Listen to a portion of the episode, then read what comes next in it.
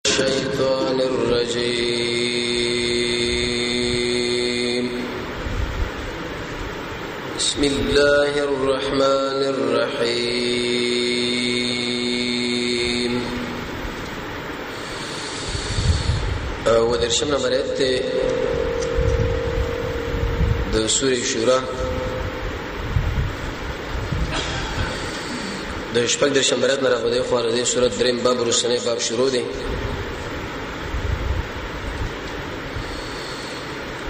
اول آیتونه کې الله رب العزت د دنیا بې رغبتي ذکر کړه چې دا ختميږي فانی ده او کما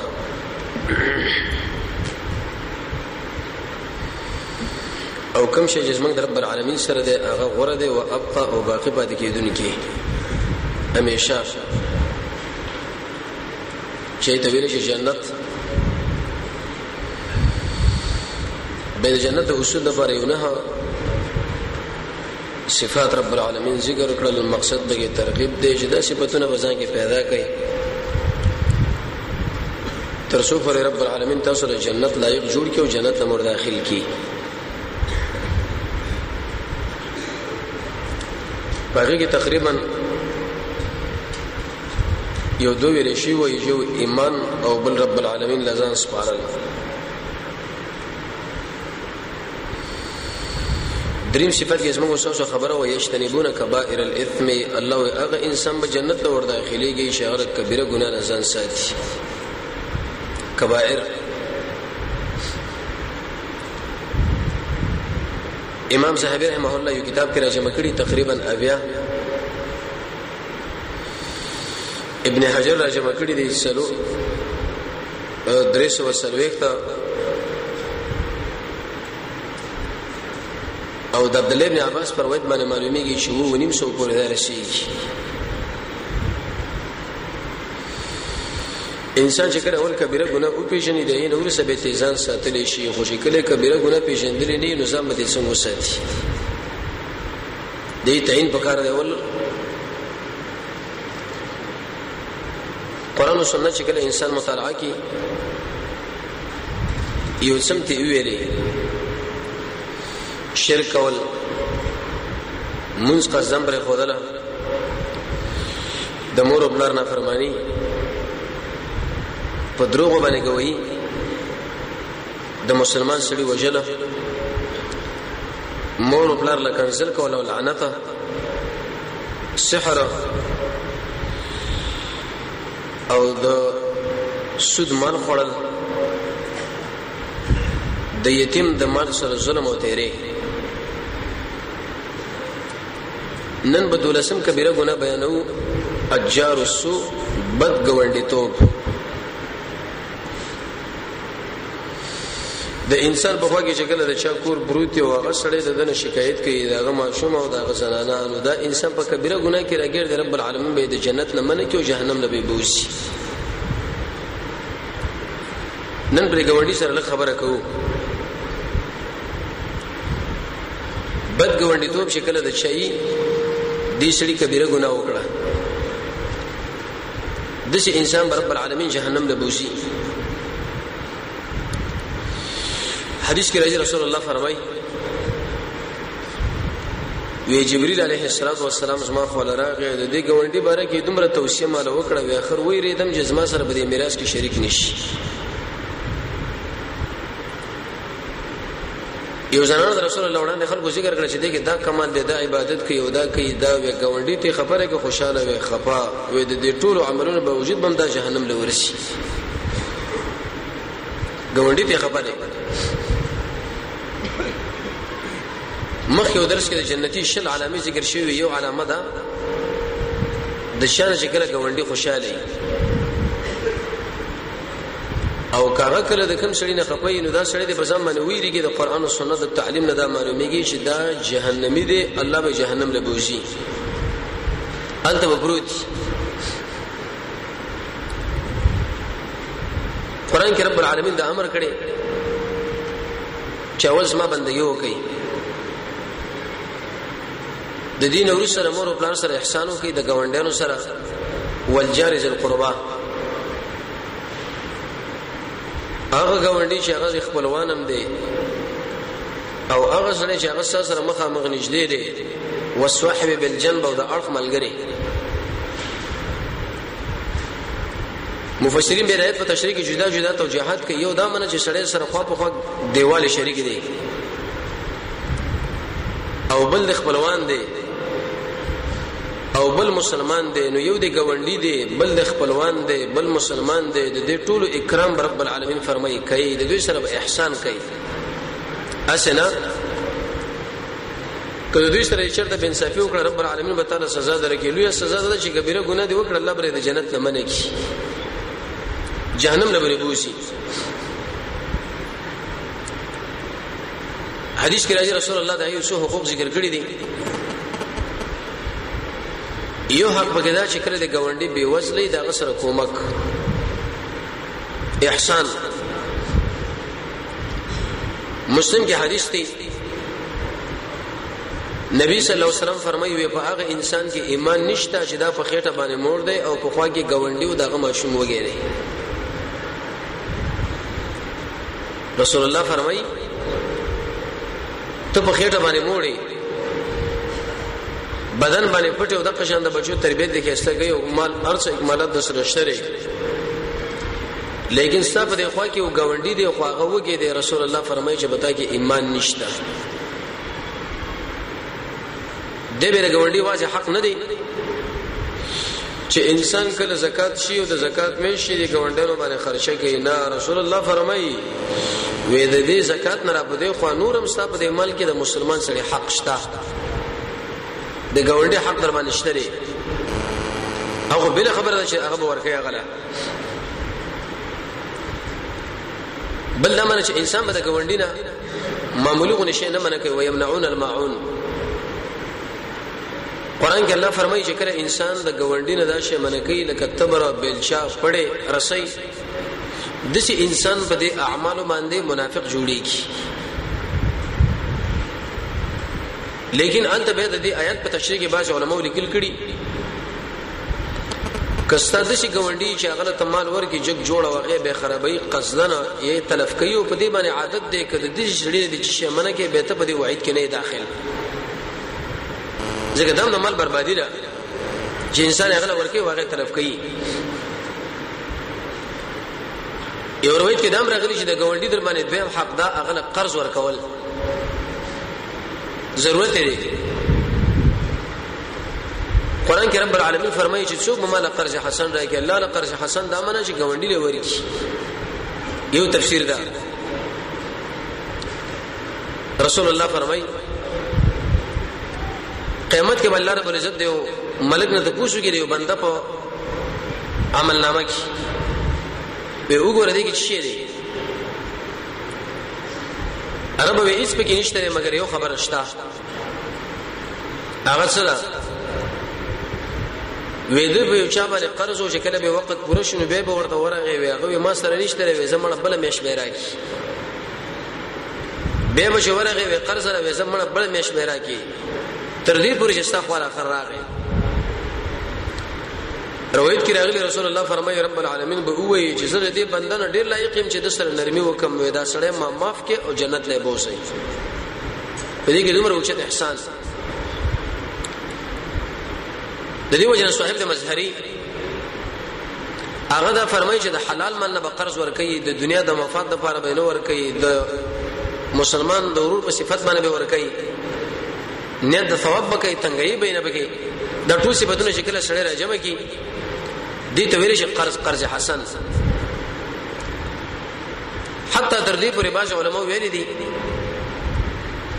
چې کله یو مسلمان سړی مال له ضرورت لري قرض لا تک اغل ډالۍ ورکې وي پاغي کې به دومره اجر نه لکه قرض حسن کی څه مطلب یو خاص مال له اخلي او چاله تحفه کوي ډالۍ کوي ولې په بل طرف باندې یو مسلمان رور دی اغل قرض حسن ورکې اهل علم فرمایي چې په دې ډالۍ کې به دومره اجر نه لکه په دې قرض حسن کې دا ورکول پکار دي انسان دې دا ورکی رسول الله فرمایي عليه السلام په ورځ قیامت بل رب عزت او بندر اولی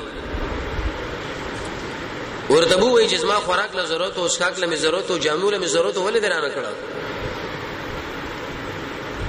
بنده رب العالمین له جواب کوي ایز مارا به ته خورې دې شي نه پاکي نستا جامو له ضرورت او نو خوراک له ضرورت او نساک له تاسو څنګه زمانه دا تاسو کوي الله عزوجل به وایي ستا په دی خوا کې غونډي او چاغله د کم شی ور کړې وي دا د شی ور کمال شرا کړی شي تر دې پوري بعض روایتو کې دا راغلي دي انسان چې کله ګاونډي له بل مسلمان له یو مال تسلیمي مخکې د دې چې داغه په لاس کې پریوزي د رب العالمین په لاس کې اول پریوزي اغل اول ورکې دي شي دریم حق علماء دم ذکر کړی دي چې حتی د هغه سره به خوشالیانو کې شریکېدل به تور مثال په هغه باندې د واده مسله ده حقیقت ده نو به دا غي انسان سره په دې معاملاتو کې په دې پروګرامونو کې ځان شریک ول په دې شرط باندې چې الته ګناه به کې نه کیږي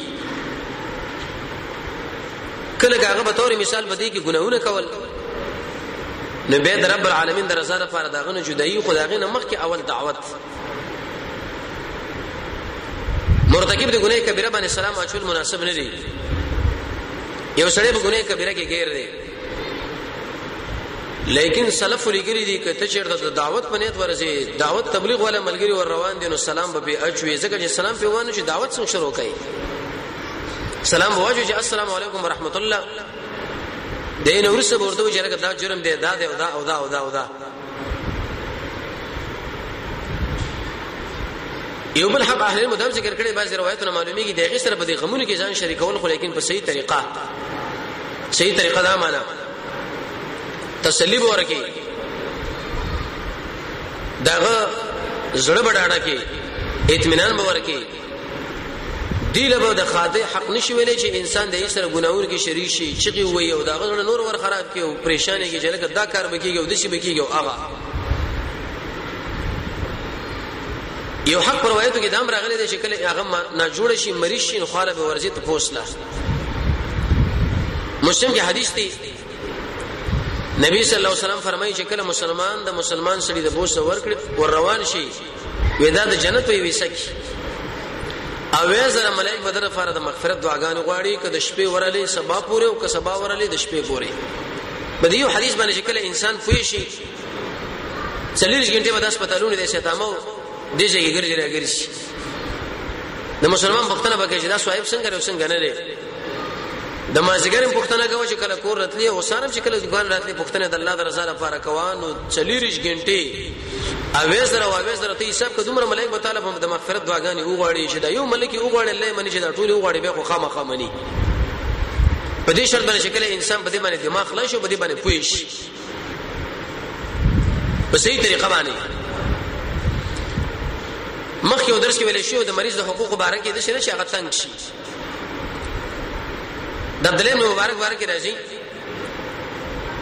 وی یو سړی داغه ته پوښتنه راغی او ډړې واله خلک تلل راتلل خو تر دې پورې چې ابن مبارک تنگ شو وی ویل چې را داخله خو دې مریض ته پوښتنه بالکل سړی له پریشانی جوړه کی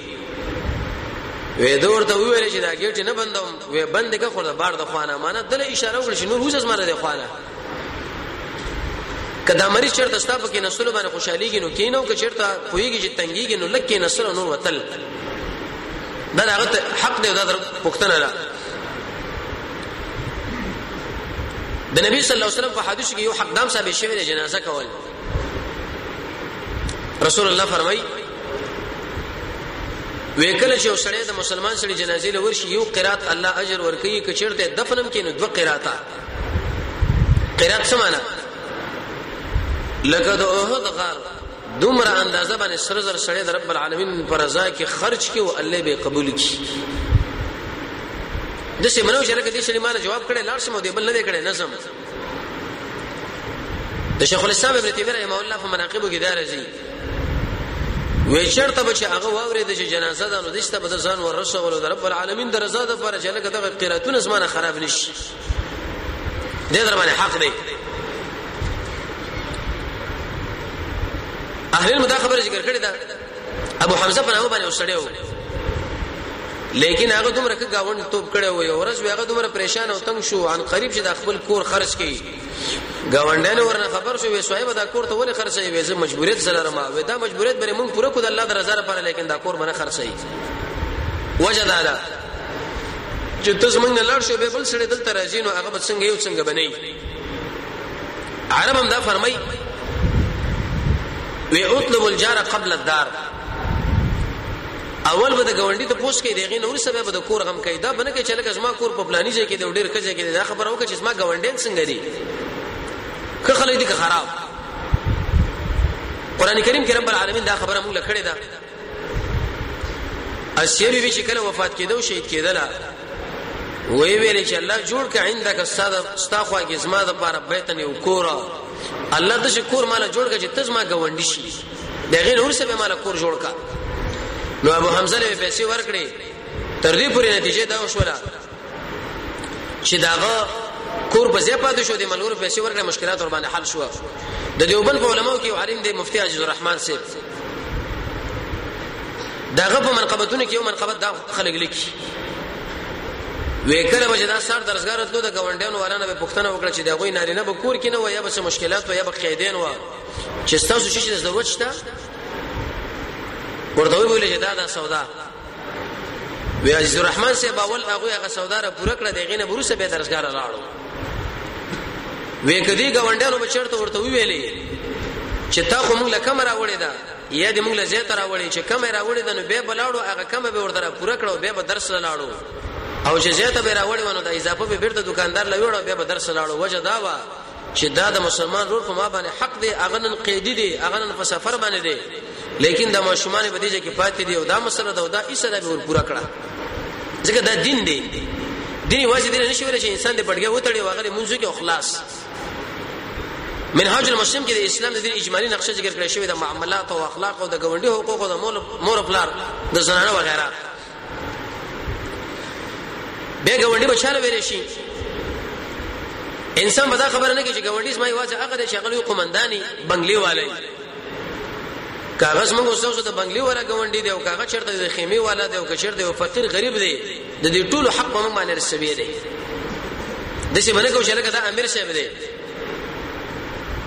او دا بل چې دی قومندان صاحب دی او دا بل رئیس صاحب دی د ده په دې مړ او ژوندۍ کې سړی ځان شریکي هر چې غریب دی هغه که مریض څوک ته پوسه نه ورځي او که چېرته مړ شي څوک جنازې له نه ورځي نه بلکې اصلي حق د هغه دی اول پښتنه باید هغه وکړي چې دغه خلکو خاله سړی ورشي قران کې رب العالمین فرمایي وسوای بل جن دغه دا مطلب چې سره په دې شټ کې گاډي کې روان دي جاز کې روان دي د وی ګنټې دوه ګنټو د پرسته په خوا کې یو مسافر روړ دی نو ته به دغه حقوق په ځای کوي چې اسنه د دوه ګنټې ورسره سره دومره شکایت وکړي چې به انت لړ استا بدی بیان کی رب العالمین فرمای وستا که شرط غونډي دی خپلوان دی د ایمی غونډي دی او کده معمولی وخت د پاره دی لیکن د ټولو په تابانه حق لازم دی ته به سره احسان کوي حق به پورا کوي د بایزید باستامي باره کې دا راځي د امت مسلمه یو زاهد سره تر شوی دی وې داغه په دې خوا کې د یو مجوسی کورو لیکن هغه په سفر باندې و دا واړی واځي پاتې و تیرا دا وی په کور کې ورانه نه و وې دا به ورغه ورنا به په طریقه باندې الته وروړله چې ایسا غوي د خپل کور کې خپل رڼا بل کړه او ماشومه به قلار کړه ډیره مو د ورسې چې دا مجوسی راغی د زنانه ته پوښتنه کوي چې ژوند څنګه و وې چې خو خو زموږ دغه خوا کې گاونډي دي زمونږ بچ کله رڼا له ضرورت پیدا شوې دا براغه په طریقه باندې بیرانه د چا ماشوم په واسطه زنانه په واسطه باندې راولې غلا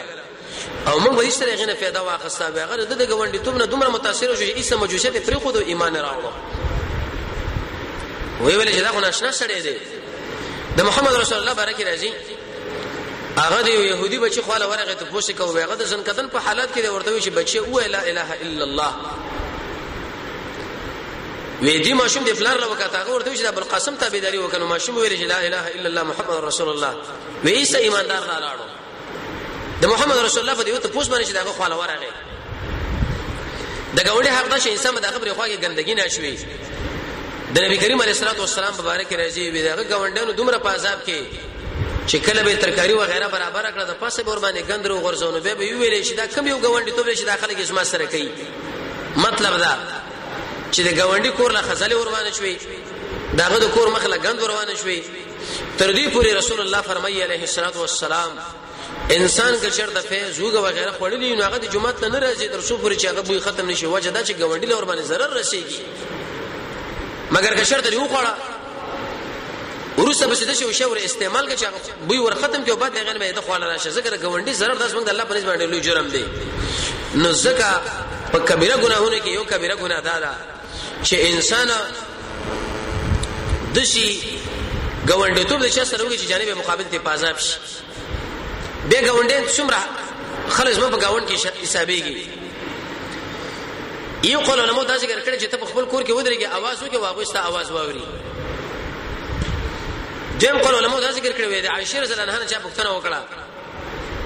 چې گاونډي چاله ویل شي وڅلويخ کور د شي څلويخ د شي څلويخ د شي څلويخ د شي د قشن تفسیر حسن هم کړی دی او باج علماء چې نه کلیواله قریه والا یا د کار والا دا ټول ستا گاونډي دي تر دې پورې امام ابو حنیفه رحمۃ اللہ علیہ فرمایي وی کوي سړی وصیت وکي عمر کې چې زما د امانس په گاونډانو باندې خرج کا نو امام محمد امام ابو یوسف چې هغه دواړه د امام ابو حنیفه رحمۃ اللہ علیه شاګردان دي دا دواړه فرمایي چې دا څومره مال پاتې او وصیت کړي په دریمه حصہ کې دا به د کلیوالو خارنو ټول باندې د سوي تقسیمېږي ځکه دا ټول په گاوند کې رااله دي ټول له بازار نه ورکړي کور والا له بازار نه خپل کور کې دغه به شوخه گاونډین دی به بل حتی تر دې پر رسول الله فرمایي چې ایماندار هغه سړی نشي جوړېدی تر څو پورې چې ګاونډي د د شرونو نه په امن کې نه او دا سړی ایماندار نشي جوړېدی رسول الله فرمایي چې دا موړی او ګاونډي نه وږي تر دې پورې نبی کریم علیه الصلاه والسلام فرمایي چې سړی د ګاونډي د زنانه سره زنا وکي وې دا دومره زور لري لکه بل سړی لږ زنا هونه وکي د ګاونډي نشي د غلا وکړه دا دومره زور لري لکه بار چې تا لږ غلاګانې کړي ځکه الته اعتماد دی الته یو بل سره نږدې کېدل دی جبريل خو ځکه رسول الله له دومره توصيه کړې و تر دې پورې چې رسول الله ویریدو چې اسنه زما سره به دې میراث کې ودا شریک نشي مقدار سره د نبی کریم علیه السلام نه پوښتنه وکړه معاویه صاحب چې رب العالمین د چا سره ډیره مینه کوي وی ورته وی ویلې چې یو د هغه انسان سره چې هغه رب العالمین په دې لار کې جنگيږي او دا صفونه دسه برابر کړي لکه څنګه چې دیوال یو بل کې نه نوتی مجاهد دیم هغه انسان چې دغه نه غونډي خوشاله د ابن مبارک بارک دا راځي او خوب له حرم کې وده وې دی وخت کې یو خوب کې دوه ملائکه ورته رااله چې څومره خلک حج نه راغلي وي چې په ډېر تعداد سره وي د چا حج قبول شوی دی هیڅ هم قبول شوی دی سوا د یو کس چې علي نومېږي هغه په مصر یا دمشق کې دی وی عیسی بن مبارک په دې وخت کې راوچت شو وی ویل چې لکه د خلکو دومره خرچي کړو د حج نه راغلي دا څنګه قبلېږي نه خلاړو د مشق لا وی الته پښتنه وکړه چې د علي ابن فلان دا څوک دی وی خلکو ورته اشاره وکړه چې دغه موچی دی وی صاحب تا کوم عمل کړی دی وی ما خدا مشګرت کو چې بده باندې پیسې را جمع کوم حج لاړ شم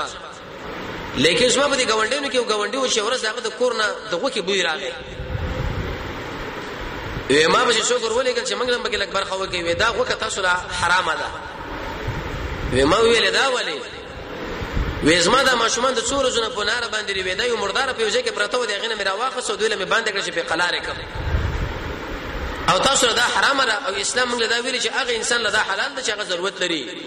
وې زما سره چې څومره پیسې مې د حج په نیت باندې راجمع کړې وې دا مې ټول راواخصو په دغه قربانې مور صدقه کړې وې د دې وجنه داغه د حج رب العالمین قبول کړي وی ویل اگر کدار اغلم نه لیکن دانه ته وکي او په صحیح نه ته وکي الله عزوجل وې داغه ټول مسله برابر کړه نبی کریم علیه الصلاه والسلام فرمایي مشکات کې حدیث دی په ورځ د قیامت چې اول حساب رب العالمین کې په بار د هغه غونډیونو کې کوي چې د یو بل حق په مال کړي لري نو دلیل له دې باندې چې په کبیره ګناهونو کې موږ یو څو کبیره ګناهونه ویلې یو دامن شرک ول موږ پر خودل د مور او پلار نه فرمانی په درواغو باندې گواهی مسلمان سړی وژل مور او پلار باندې لعنت او کنزل کول د یتیم مال خور د سودخور سړي خواله ورتل سحر کوله د میدان د جنگ نه تېښته کول او یو پکې هغه انسان چې گاونډي داغه نه پازابي نو رسول الله فرمایي چې هیڅ وخت کې به مؤمن انسان پاتې نشي هغه انسان چې گاونډي دغه د شرور نه په امن کې نه نو مؤمن انسان به هغه لویل شي جنتی انسان به هغه لویل شي چې گاونډي دغه نه خپه نه معنا د آیت بدایي والذین لو اذا اغ انسانان دی یشتنبون کبائر الاثم چي وزان ساتي د کبيره ګناهونو نه ول فواحش او د دې بے حیاي نه و اذا ما فاق وقت کې چې کله غوسه شنو يغفرون به بخنه کوي